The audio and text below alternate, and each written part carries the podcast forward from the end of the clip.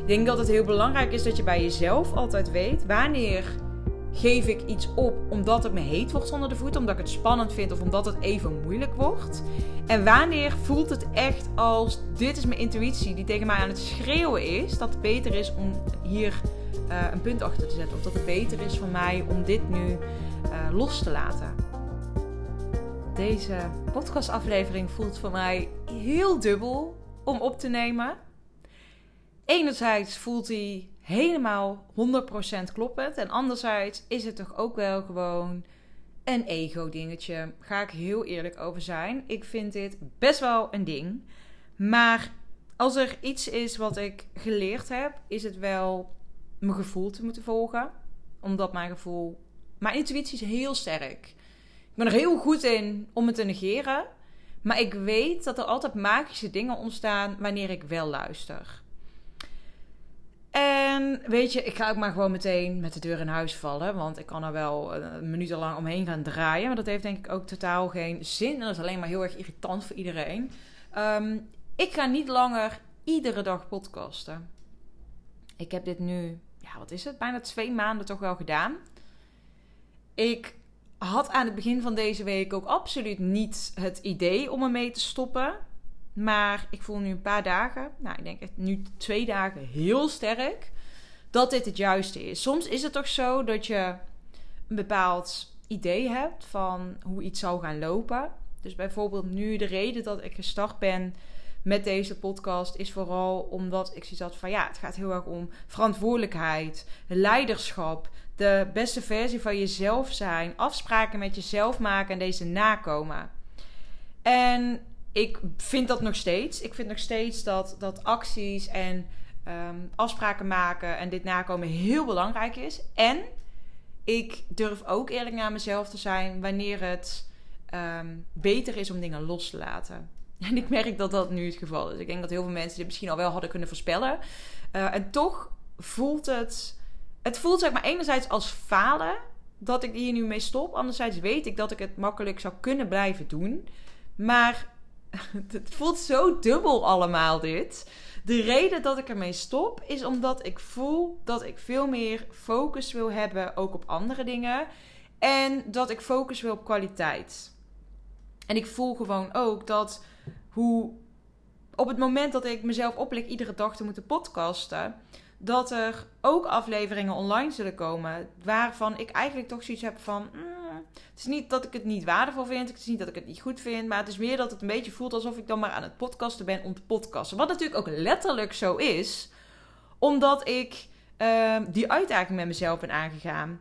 Maar ja, dan moet ik ook even heel slim en strategisch gaan denken. Want dat is ook gewoon wie ik ben. Ik ben um, ook alweer heel strategisch. Ik bedoel, kijk, als ik kijk naar wat ik met mijn bedrijf doe en waar ik dan voor sta, is dat juist heel erg op de strategie en op het grote plaatje. En de focus leggen op dingen die er echt toe doen en die belangrijk zijn. En ik merk dan op een gegeven moment van ja, dat, ik.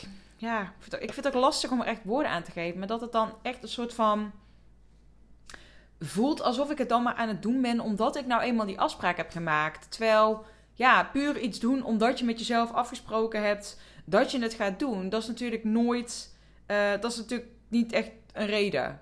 Dus het voelt echt alsof ik hier zo door de mand val. In die zin dat ik uh, heel erg sta voor je eigen afspraken nakomen. En dan nu eigenlijk gewoon letterlijk hier verkondig: ik ga dat nu niet meer doen. Ik ga, mijn afspraak, ik ga het bijsturen en ik ga iets anders doen. Ik ga dit niet meer doen. Dus ja, daarom dat dit echt een ego-ding is. Anderzijds voel ik dat ik strategisch gezien, maar ook gewoon voor mijn mentale gezondheid, uh, dat het veel beter is om hier nu mee te stoppen. Dan dat ik doorga puur omdat ik nou eenmaal die afspraak met mezelf gemaakt heb. Terwijl het eigenlijk, als ik heel eerlijk ben, niet meer helemaal goed voelt. Dus ik zie het als een heel geslaagd experiment. Want zo kan ik het dan eigenlijk ook zien. Het is een experiment. Ik heb het bijna twee maanden gedaan. Dat was leuk, dat was fijn. En dat was ook soms even minder fijn. En ik voel dat het slimmer is voor mezelf en ook voor mijn bedrijf om het nu ook los te laten. Dus dat is ook wat ik, ja, wat ik ga doen. En ik denk ook dat dat loslaten echt een beetje het thema voor mij is uh, voor dit eerste kwartaal van 2024. Um, iets anders wat ik namelijk ook ga loslaten is een, een onderdeel van mijn bedrijf waar ik echt al nou ja, drie jaar lang ehm, ja, met, met heel veel plezier aan gewerkt heb. Ehm, dat is uh, mijn Succesvol Starten programma. Dat is speciaal voor vrouwen die als coach willen starten. En ik weet nog niet of ik het helemaal 100% ga stoppen. Want er staat gewoon een supermooi, ja, supermooi programma nu. Wat ik nu een hele tijd al als groepsprogramma draai. Uh, de groep die nu nog bezig is, die is in februari, uh, eind februari afgelopen.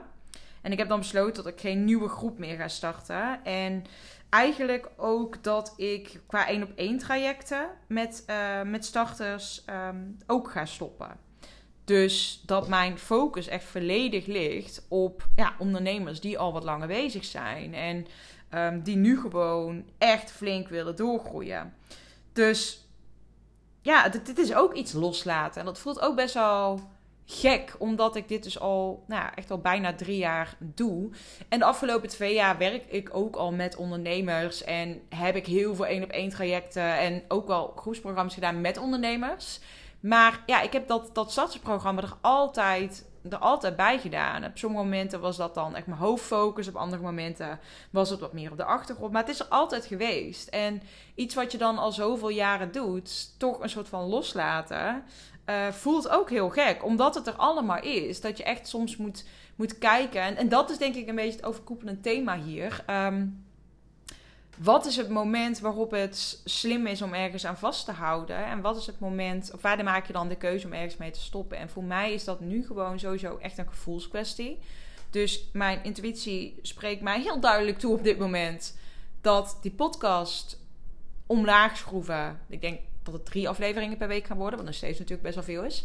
Um, dat dat een juiste keuze is. En dat ik met dat programma ook ga stoppen, dat dat ook de juiste keuze is. En soms zijn dingen niet altijd te verklaren. Hè? Ik bedoel, ja, waarom voelde het twee maanden geleden wel goed om iedere dag te podcasten en nu niet meer? Ja, weet ik niet. Ik heb het nu ervaren. Toen wist ik nog niet hoe het zou zijn. En ja, ik denk dat dat het is. Dat is ook gewoon een beetje het leven. Of een beetje, dat is gewoon het leven. Eén moment voelt iets goed, ander moment voelt iets niet meer goed. En um, wanneer.